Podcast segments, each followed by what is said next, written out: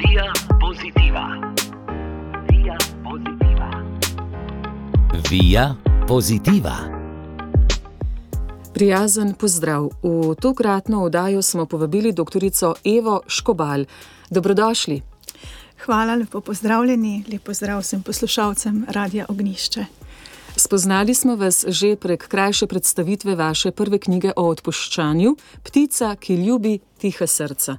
Lepa knjiga, ki lepo popelje na pot odpuščanja, tudi razložite, zakaj odpustiti. Odkar smo se zadnjič srečali, pa ste vi kot metulj doživeli preobrazbo. Morda pa najprej k tej ptici, ki ljubi, kakšen je bil odmev na knjigo? Ljudje so knjigo zelo pozitivno sprejeli. Mislim, da predvsem zaradi tega, ker nam je odpuščanje vsem potrebno in se o tej temi nekako premalo govori. Govori se uh, v cerkvi, ampak tisti, ki pa ne gredo v cerkev, pa zelo redko kdaj slišijo o odpuščanju. odpuščanju. Tako da uh, se mi zdi, da je ta knjiga prinesla uh, vsebine, ki jih ljudje na nek način tiho čakajo. Nekdo jim mora povedati, nekdo jim mora postaviti na mizo. Tako da lahko rečem, ja, da je bil odziv na knjigo zelo, zelo dober. Pišete že drugo. Začeli ste jo, potem naredili krajšo prekinitev, zdaj pa to drugo knjigo pišete na novo.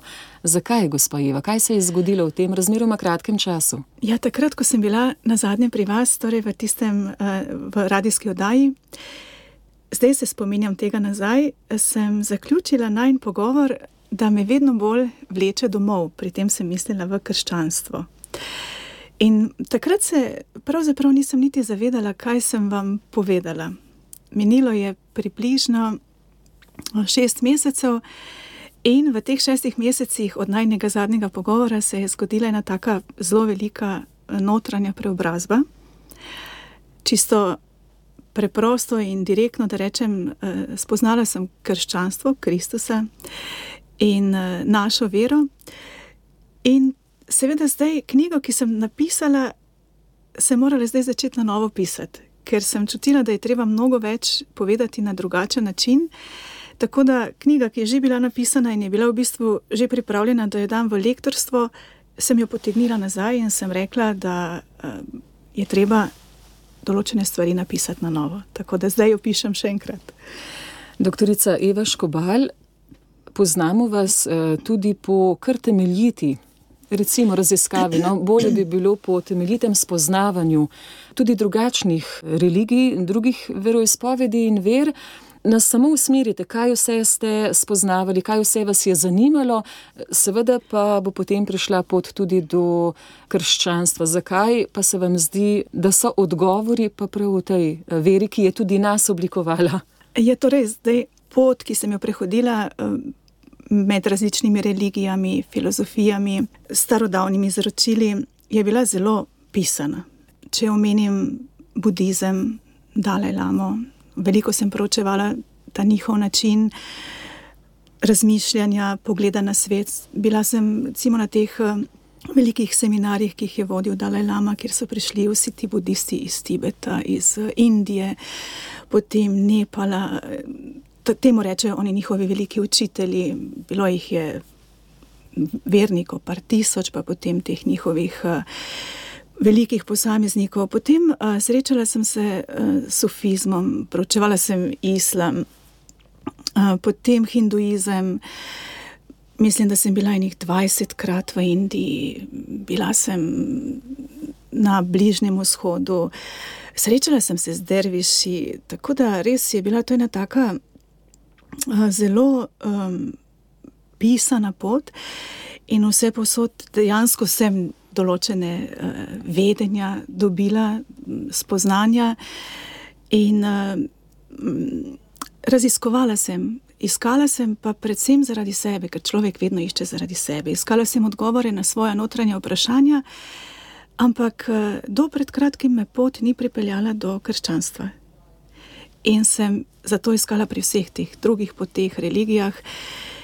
Um, ja, tako da nekako tako, no, v kratkem povedano, ko, kaj vse je bilo. Kaj vse vas je zanimalo? Zanimalo, ja, tako. In ste iskali odgovor, tako. ker človek hrepeni po neki gotovosti, po notranjem miru.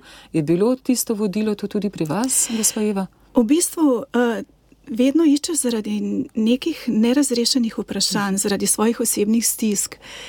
Iščeš zato, da bi našel v sebi mir in da bi uh, našel pomiritev z Bogom in samim seboj in z ljudmi. Preprosto povedano, da bi bolje živel, da bi imel boljše odnose z, z ljudmi, in predvsem pa iščeš zato, da te več ne bi bolelo. Ker uh, vsako iskanje se ali pa večina iskanj, bom rekla, se začne zaradi neke bolečine ali neke travme, recimo, in ta travma je lahko iz otroštva, ta travma je lahko se zgodi tudi kasneje.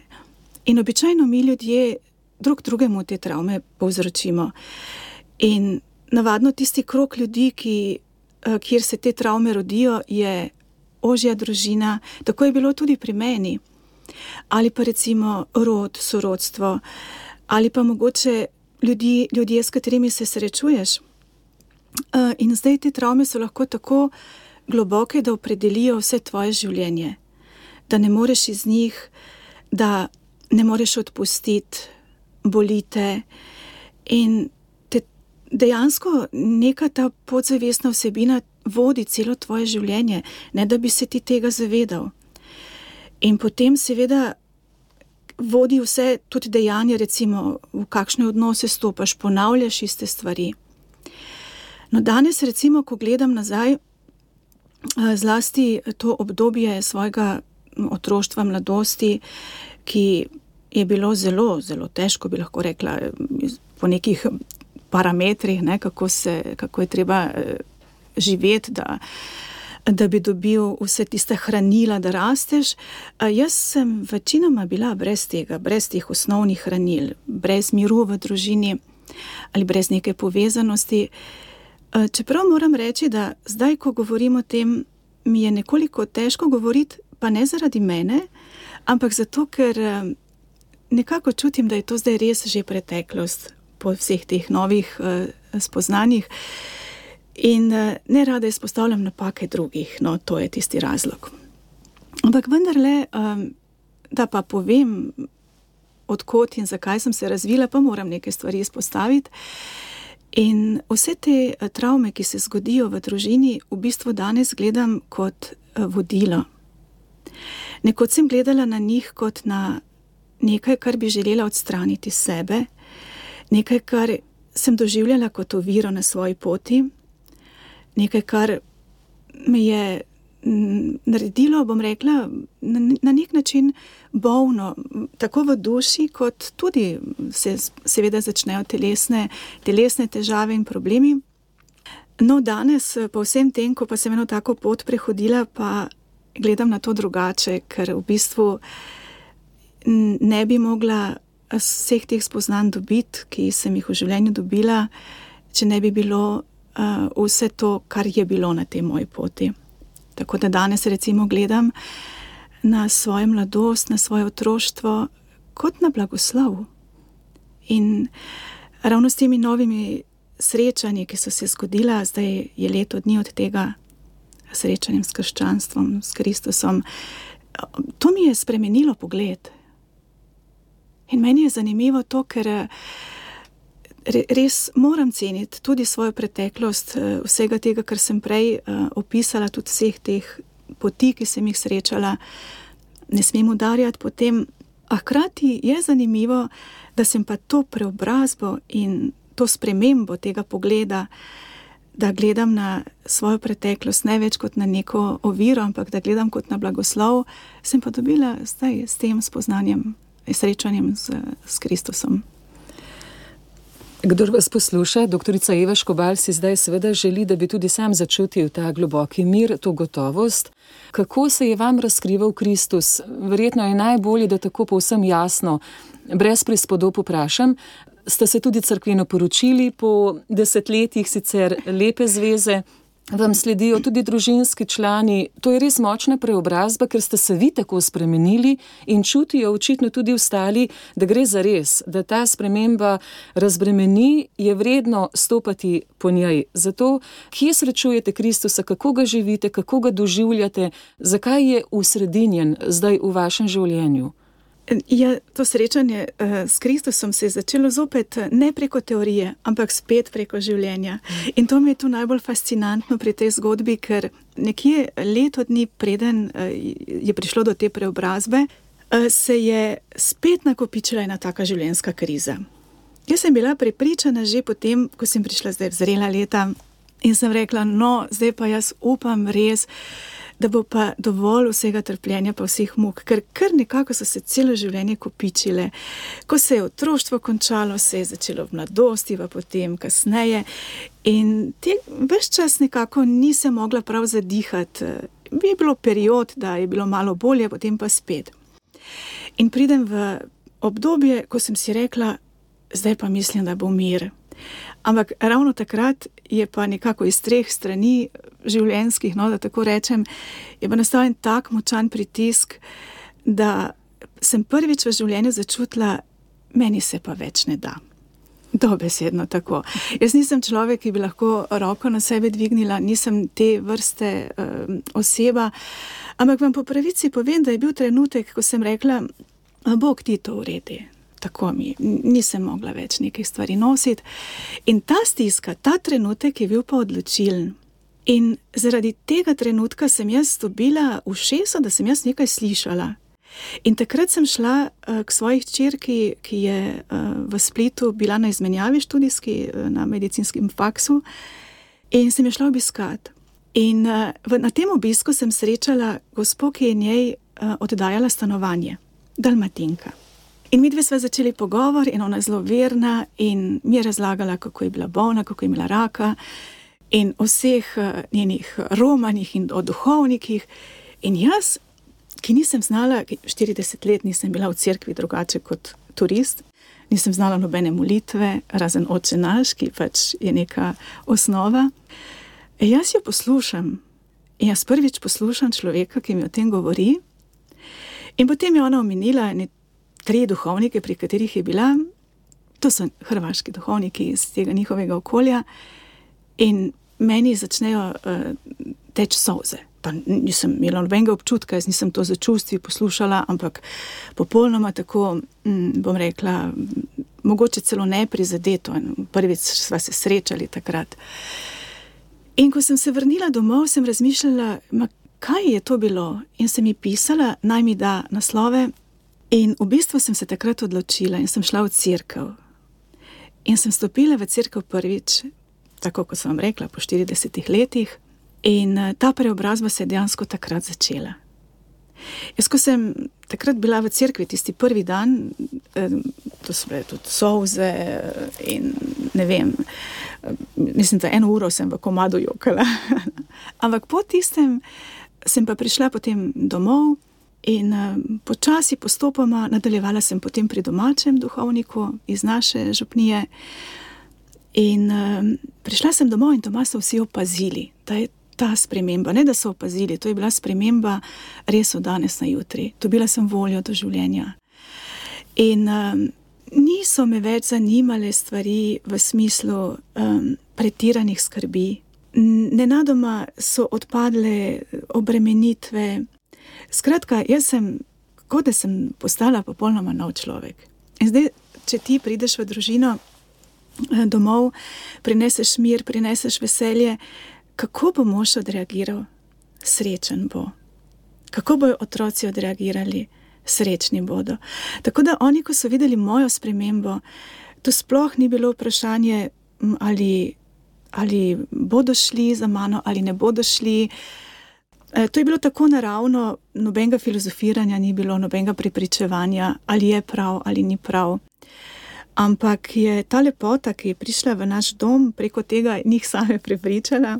Tako da dejansko se je res to zgodilo, kar ste povedali. Eh, mi dva z možem sva bila poročena 30 eh, let predtem, civilno, in potem sva se poročila še crkveno.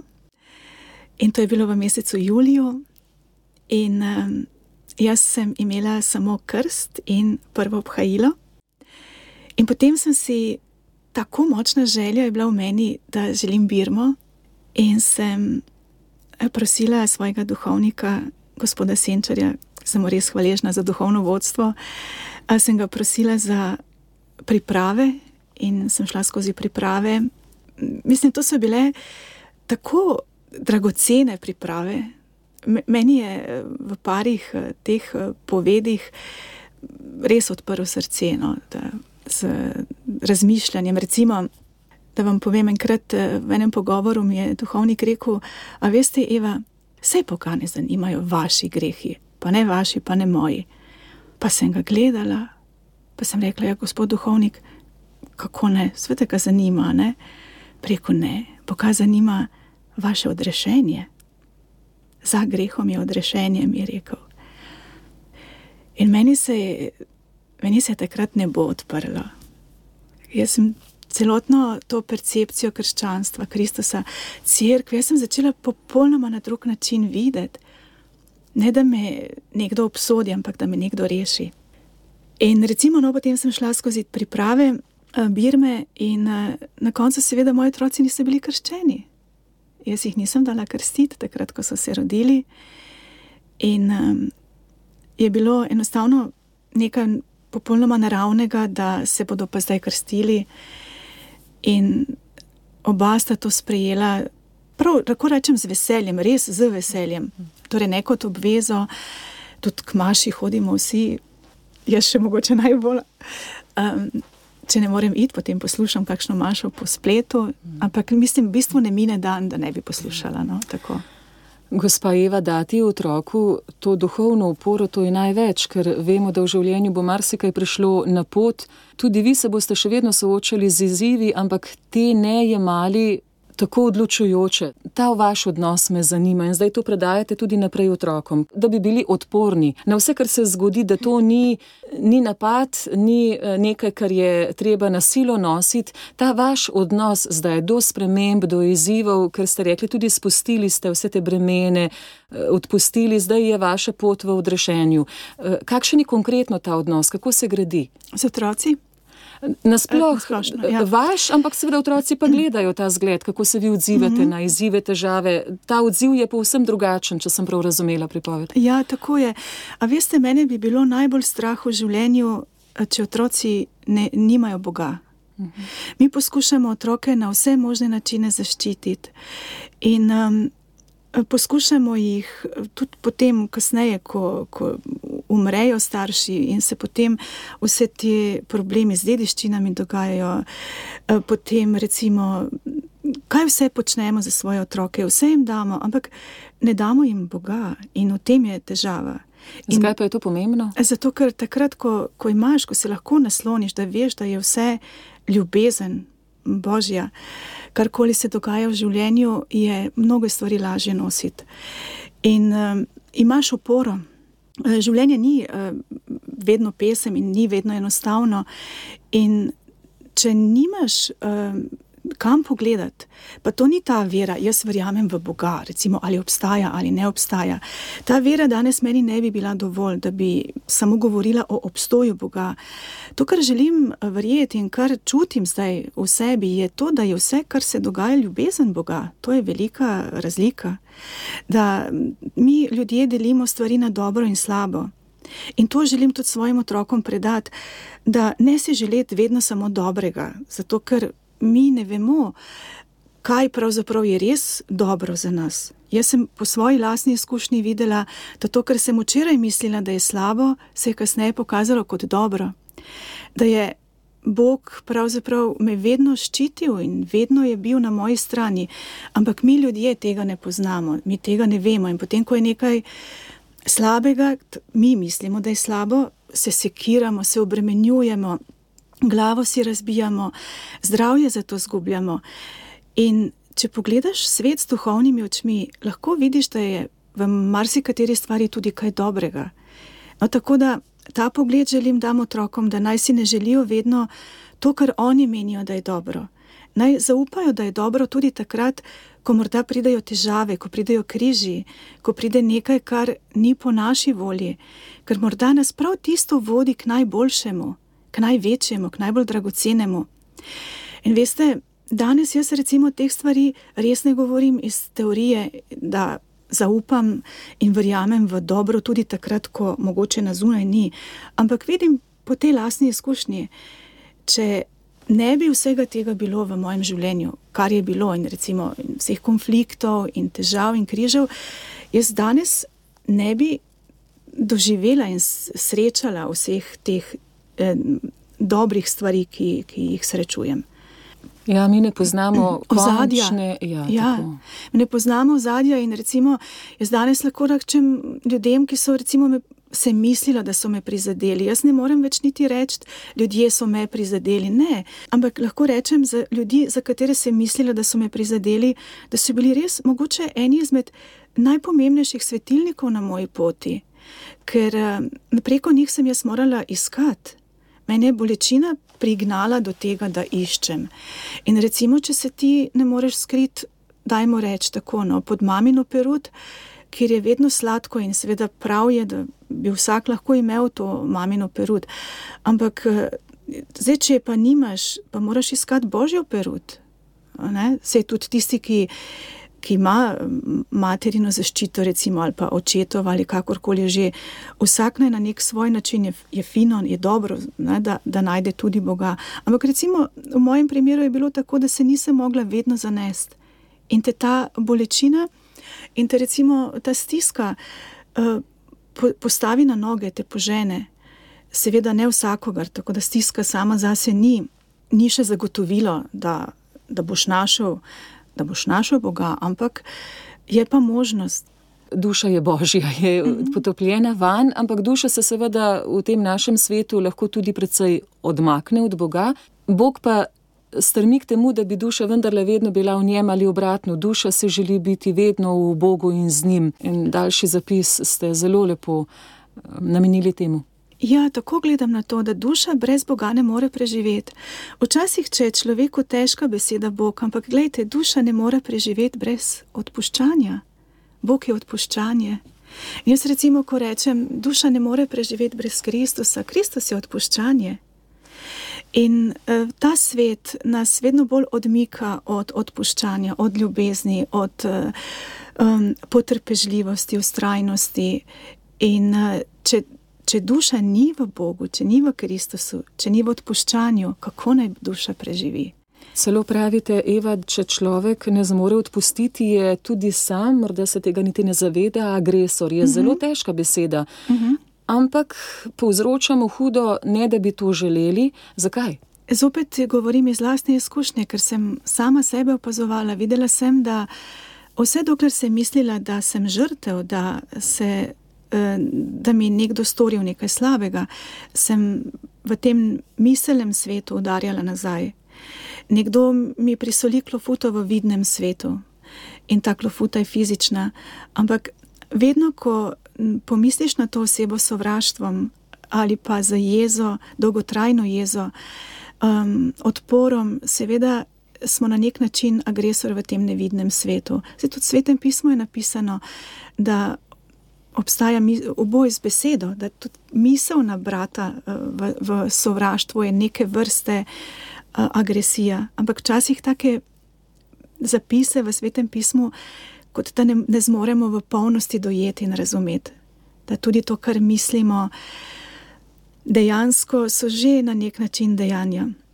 In mi se lahko tega osvobodimo samo s tem, da dojamemo, da je res v vsem bila božja ljubezen. Da je vsakdo, kdorkoli mi je prišel na pot, poslan od Boga. Da je vsakogar, vsako osebo naj mi je prinesla rože ali naj mi je vrgla kamen. Da oboje je bilo dovoljenje od zgoraj. In kaj z namenom, da Boga vidim? A veste, z enim namenom, pogledajte, dam primer, recimo, da mi nekdo zavida in pride na mojo življenjsko pot. Eh, Zakaj mi ga je Bog poslal? Zato, ker je eh, enostavno ljubiti ljudi, ki so dobri do mene in v tem ni moja moč. In uh, moč je, da zmoreš ljubiti tudi takrat, ko nekdo ni dober do tebe. In Bog nas hoče močne. Zato nam pošlje take ljudi. Ne zato, da bi nas hotel raniti. Bog nam pošlje človeka, ki je bodi si zavisten ali ljubosumen ali celo sovražen do nas, da bi nas do te mere ojačal, da mi zmoremo ljubiti vse. Ker dokler ne zmorem ljubiti vsakogar, sem vedno v nevarnosti, da me bodo potem seveda moje lastne misli potopile. In vidite, to je veličina Boga. Mi pogosto teh njegovih dejanj ne razumemo, ampak On nas hoče velike, želi nas take, da ne klonemo.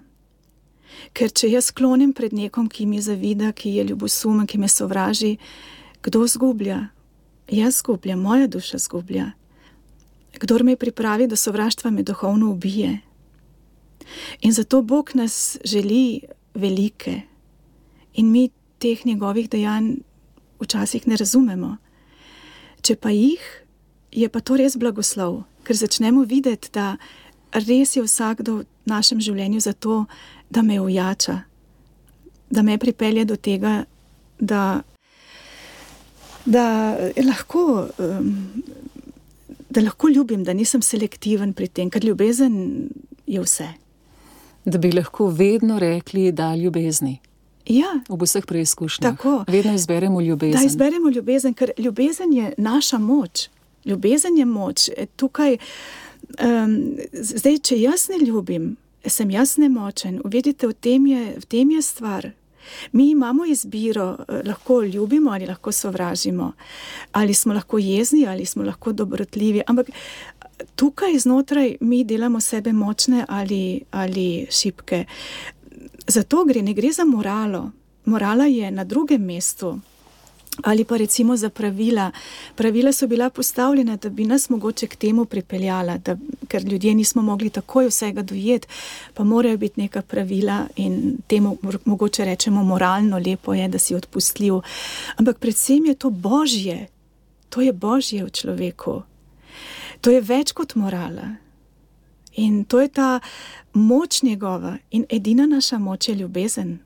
In Bog nas želi do te ljubezni pripeljati, da mi nismo odvisni več od dejanj drugih ljudi, ampak da imamo to brezpogojno ljubezen, ki nas potem, seveda, veste, ljudje smo, vedno bomo imeli šibkosti.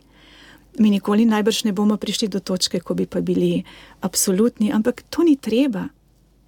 Pomembno je, da da več naredimo iz sebe, da se približujemo temu. In zato zdaj, recimo, jaz, ko zdaj molim, jaz se zahvaljujem za, večinoma se zahvaljujem, ker prej so bile molitve, Bog, daj mi to, daj mi ono, daj mi tretje. In tako navadno tudi nekako Boga doživljamo, se k Bogu obrnemo, uh, ko nekaj rabimo. No, mogoče to še, uh, kar zadeva um, tole dušo in Boga. In De, dejansko se nam res zgodi, da mi se k Bogu obračamo takrat, ko problem pride. In vidite, zanimivo je, kaj sem rekla, k Bogu se obračamo, torej po, problem nas k Bogu obrne. Tako da uh, to je tisti prvi korak. Ne? No, in, in ko nekje pa prideš do tega, da pa to, kar smo se prej pogovarjali, uh, da so ljudje v naše življenje postavljeni zato, da bi nas Bog ojačal, pa se začneš za njih zahvaljevati. Hvala za tega, hvala za drugega. No, če vam eno zgodbo, recimo, zanimivo povem. Uh, pred kratkim sem bila na enem odmiku, uh, krščanskem, v, v enem samostanu, post, molitev, tišina, vse je bilo v tišini.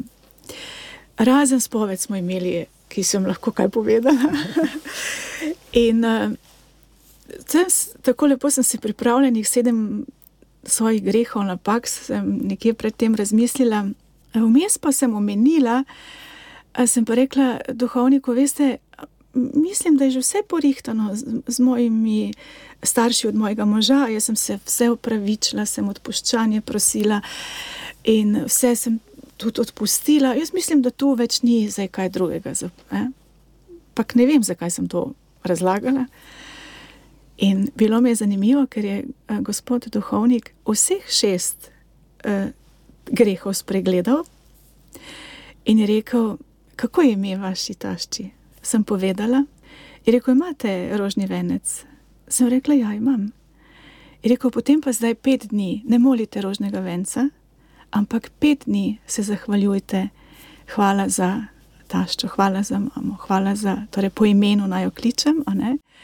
In naj se zahvaljujem in zahvaljujem in vsako jagodico, hvala za njo, hvala za njo. In tako. Pet dni. Ja, zapored. pet dni zapored. Mm -hmm. In um, Vsak dan večkrat. jaz sem večkrat naredila. Ja. Jaz sem večkrat naredila, ker veste, prav čudeži se dogajajo, ko tako stvar narediš. Mhm. In kaj se je zgodilo?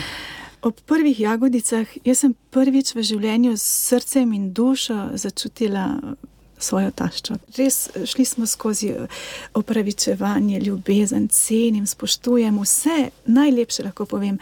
Ampak poglej, nekje, eh, kako je to eh, ta gospod, eh, ne, duhovnik, nekje zaznal vsebino duše, ki je sama nisem mogla zaznati. In je uh, potegnil to ven, in jaz sem seveda to z velikim veseljem sprejela. Meni se je zdelo to tako odkritje, kje se je kaj takega spomnil. Zdaj sem mu rekla, kako ste se kaj takega sploh spomnili. Vse je sam nasmejal. in, uh, in sem šla potem tole, torej sem to počela, in vidiš, koliko mi imamo še drug drugemu zadati. Veste, to sem ugotovila, koliko je še shrambe ljubezni, ki mi imamo zaprto za drugega in mi moramo to odpreti, in niti tega ne vemo. In se je to malo odprlo, in se mi je zdelo to najdragocenejše darilo, ki sem ga v tem zadnjem obdobju recimo dobila. Ko že misliš, da je v redu, ko si misliš, že, da si vse naredil, pa poglej, kaj vse še lahko uh, daš. Bomo vsi do zadnjega diha še spoznavali, da vseh vrat vendarle še vedno nismo odprli, da je vedno prostor ja. za še več ljubezni. To je pa čarobnost Boga, to je ta lepota Boga. Nikoli najbrž ne bomo prišli do konca, eh, ker ne vem, če ima Bog konec ne, v svojem znanju, v svoji lepoti, v svoji milosti. In to me pravzaprav navdušuje. In če bi zdaj jaz rekla, jaz živim najlepše obdobje svojega življenja. Poglejte, bili so življenjski uspehi, pač poslovni, otroci, mož, vse lepote so se v življenju dogajale, ampak nikoli nisem živela tako brezkrbno, kot živim zdaj. Torej, to je moje res najlepše obdobje. Vedno me je nekaj tiščalo, vedno je bil strah pred minevanjem, pred tem, da se bo komu kaj zgodilo, da bo kje neuspeh, da bo kje polom, tega zdaj nič več ni. Ne verjamete več v duhovnosti brez križa. Lahko to pojasnite? Ja, ne verjamem več v duhovnost, ki ne vsebuje križa in ki ne spodbuja, da naj svoj križ nosimo. Recimo, danes je cel svet potrošniško naravnan. In duhovnost, in tudi potrošništvo je prišlo v duhovnost. Napravi si obilje, potem materializiraj si to, ono, da, da ti bo udobje in da ti bo dobro. In tako se dogaja, da smo duhovnost zreducirali samo na to, da nam bo dobro, da bo udobje, telesno, da nam bo fajn. In če človek ne, ne zmore nositi križa, je potem tudi sebi odstranil možnost za spremembo, ker samo križ te lahko spremeni. Križ je ljubezen. Kaj mislim pod križ? Zopet iz izkušnje govorim. Dobro, kasneje sem tudi prebrala nekaj, ampak dala mi je izkušnja to. Mene je spremenil moj križ.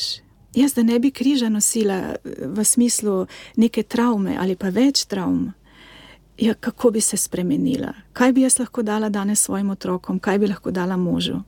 Bila bi razvalina življenjska, mogoče na zunaj uspešna, ampak tudi zelo, to nedolgo. Ja, ja. Zelo odvisni postanemo zelo ne, od odvisni. potrditve drugih, ja, od ja. materialne varnosti, no, mm na vseh ravnih, da ne naštevam. Ja. Tako da zdi se mi, da je ta komponenta križa bistvena, da zmoreš, da ga pokončno nosiš, da sprejmeš neko težavo, da iz nje zamesiš nov kruh, iz te moke, ki. Ki ti je pač dana, zamesiš nekaj novega in postaneš nov človek, ker križ te preobrazi. Ne morete samo v dobje preobraziti. In tu smo mi naredili velik odmik od Boga, ko verjamemo samo v udobje. Zato pravim, da, da duhovnost, ki ne vključi križa in ki ga odstranjuje na vseh ravneh, ne verjamem, da lahko človeku prinese veliko dobrega. Ob vseh čustvih, ob vseh doživljanjih, ob vsem lepem in na drugi strani ob vseh preizkušnjah, vedno se je treba spominjati Boga, pišete. Tisto, kar potem dobro preobrazi, kar nas v veselju morda še bolj povzdigne in kar nas naredi močnejše ob križih in težavah. Ste zelo premislili stvari. Ob ja več pogovorih vidim z duhovniki, tudi sami se poglabljate potopljenost v Bogu, ki mi da mir na zemlji, da imam res občutek, da v polnosti živim in da izrabljam v navednicah to danost živeti tu. Pri krščanstvu se mi ni zgodila stvar iz knjig, ampak se mi je zgodila v srcu. Pa preko ljudi. Preko ljudi, ja. preko, preko srečanja z duhovnikom, od srečanja z ljudmi, ki so moja prva pot, eh, ki je bila takrat je bila na Hrvaško, ne, ker pač eh, sem bila tam. Eh, potem pa predvsem vse, kar sem v knjigi Odpuščanje napisala, kar sem iskala kot krepenenje, to, to mi je tako zanimivo, ker knjiga je napisana v pravi smeri. Smer je prava. Ampak na dnu srca jaz nisem mogla odpustiti. Ta knjiga je v bistvu krepenenje potem. Moram reči, da je smernica prava. Torej, ni bilo nič napisano, da bi, da bi ne bilo prav. Ja, smer prava, ampak nisem mogla priti do tiste točke. No, tukaj pa je bilo zanimivo, kaj se mi je zgodilo v, v tem srečanju z Bogom, je pa, je pa teorija meso postala. Ker jaz nisem krščanstvo, jaz nič nisem vedela o tem. Poglejte, jaz molitve nisem znala, razen oče naš, ki ga pač znaš iz neke svoje splošne izobrazbe. Nisem vedela, kdo je katera, bom rekla, veja v krščanstvu, kdo je kdo. Jaz sem stopila not pač v crkav, bum, padla in v tistem trenutku se je, se je meni srce enostavno. Ne me spraševati, zakaj, kako, ker ne vem, ampak jaz sem vsem vse odpustila. To je bil prav dotik, no, da tako rečem. In tako da ta stvar je, je res premišljena, ker kasneje sem v smislu premišljena, ker sem potem nadaljevala, šla naprej in uh, se kasneje pogovarjala, ne prej, ne? to je razlika. Pravite, da tudi s pisanjem zdaj nastaja druga knjiga po vaši prvi ptici, ki ljubi, Tiha srca, doktorica Eva Škobal, zdaj nastaja druga knjiga in pišete, ker s tem urejate svoj notranji mm -hmm. svet, tudi blažite hudournike. Tako. Kakšna lepa misel. Veste, Bog je res hudournik. to je hudournik ljubezni. In, uh, nisi... Ne dovoli, da bi se mi usmradili v neki statični vodi, ja. mlekuži. Recimo tudi ja. ta, eh, to, kar se zdaj mi dve pogovarjava tako javno. Uh, jaz, če bi me vprašali leto dni nazaj, to je nemogoče. Meni je bilo to nemogoče, da bi šli to karkoli javno povedati, ker bila sem mišljenja, ok, če že slučajno se mi je zdaj torej na samem začetku, ne, če sem, se mi je to zgodilo, to je moja osebna stvar. Pogosto rečemo, da je to intimno, da je intimna vera stvar. Ja. Ampak eh, zdaj, danes razmišljam drugače, zato ker če moja izkušnja lahko nekaj lepega nekomu prinese in mogoče celo nekomu eh, ublaži kakšno rano, sem skoraj da dolžna to narediti, da, da povem. In Po drugi strani se sprašujem, zakaj bi morala biti o lepih stvarih tiho, Kristus je odpuščanje, Kristus je ljubezen, to so lepi medsebojni odnosi. Zakaj bi zdaj mi v družbi morali o tem molčati ali se sramovati tega, ali pritajeno govoriti drug z drugim? Tako da meni je danes to tako normalno, to je moj mogoče res da prvi intervju, ker zadeva vendarle ne traja desetletja. Ne, to, sem šele nekaj časa v tem, ampak eh, z velikim veseljem to povem. Srčno še, ja. si želim, da bi se vam mesta odpirala, se ne na zadnje tudi s svojim zgledom, tudi v vašem poklicu. Vedno je možnost, da človek s tem, kot, kar je, vi vendarle vsakodnevno stopate pred skupine ljudi in tam jih zagotovo nagovarjate z besedami ljubezni se zgodijo spremembe, kjerkoli ste. Pa ne na zadnje, gospa Eva, kako prepoznavate to družbo? Se vam zdi, da v človeku je to globoko krepenenje? Kdo je sploh zmožen to začutiti, ker je toliko enih trdih okovov, v katere smo padli, stereotipov, predsotkov, ni in ni modno. Kako pripričati ljudi, da bi vendarle vedno znova izbirali jezik ljubezni, ker samo ob tem, ko, ko to doživimo, začutimo ne tisto osvoboditev, polno tišino ali pa napolnjen prostor. Polno vsega v tisti praznini. Ne? Jaz sem prazen vsega nepotrebnega, teh čustev, zamir, jeze, da bi prišli do spoznanja, da to, da to meni jemlje moč, kar jaz sicer namenjam ostalemu. Kako da bi se zgodil tak preboj? Zato hvala, ker imate pogum in spregovorite in govorite. Ja, uh, veste kako? Gospodinja mora na mizo postaviti uh, jedi, če hoče, da potem tisti, kar so okoli, jejo. Če jih ne bi postavila na mizo, potem nima niti nihče možnost, da vzame z mize. Tako se mi zdi, da je tudi s vsemi temi uh, stvarmi, kar, kar zadeva Boga. Jaz sem se zdaj odločila, oziroma pa povem. povem Um, nekaterim mogoče tako kot v, v šoli, kjer delam zdaj dijakom, ne povem na ta način, ampak povem s tem, da čutijo, da, da imam res veselje do njih, da jim, jih imam rada, da, ker to je mogoče res specifično okolje, ravno v razredu, ampak to je recimo ena taka, uh, taka stvar. Drugače pa kjerkoli drugje, v vseh drugih odnosih pa povem vse jasno.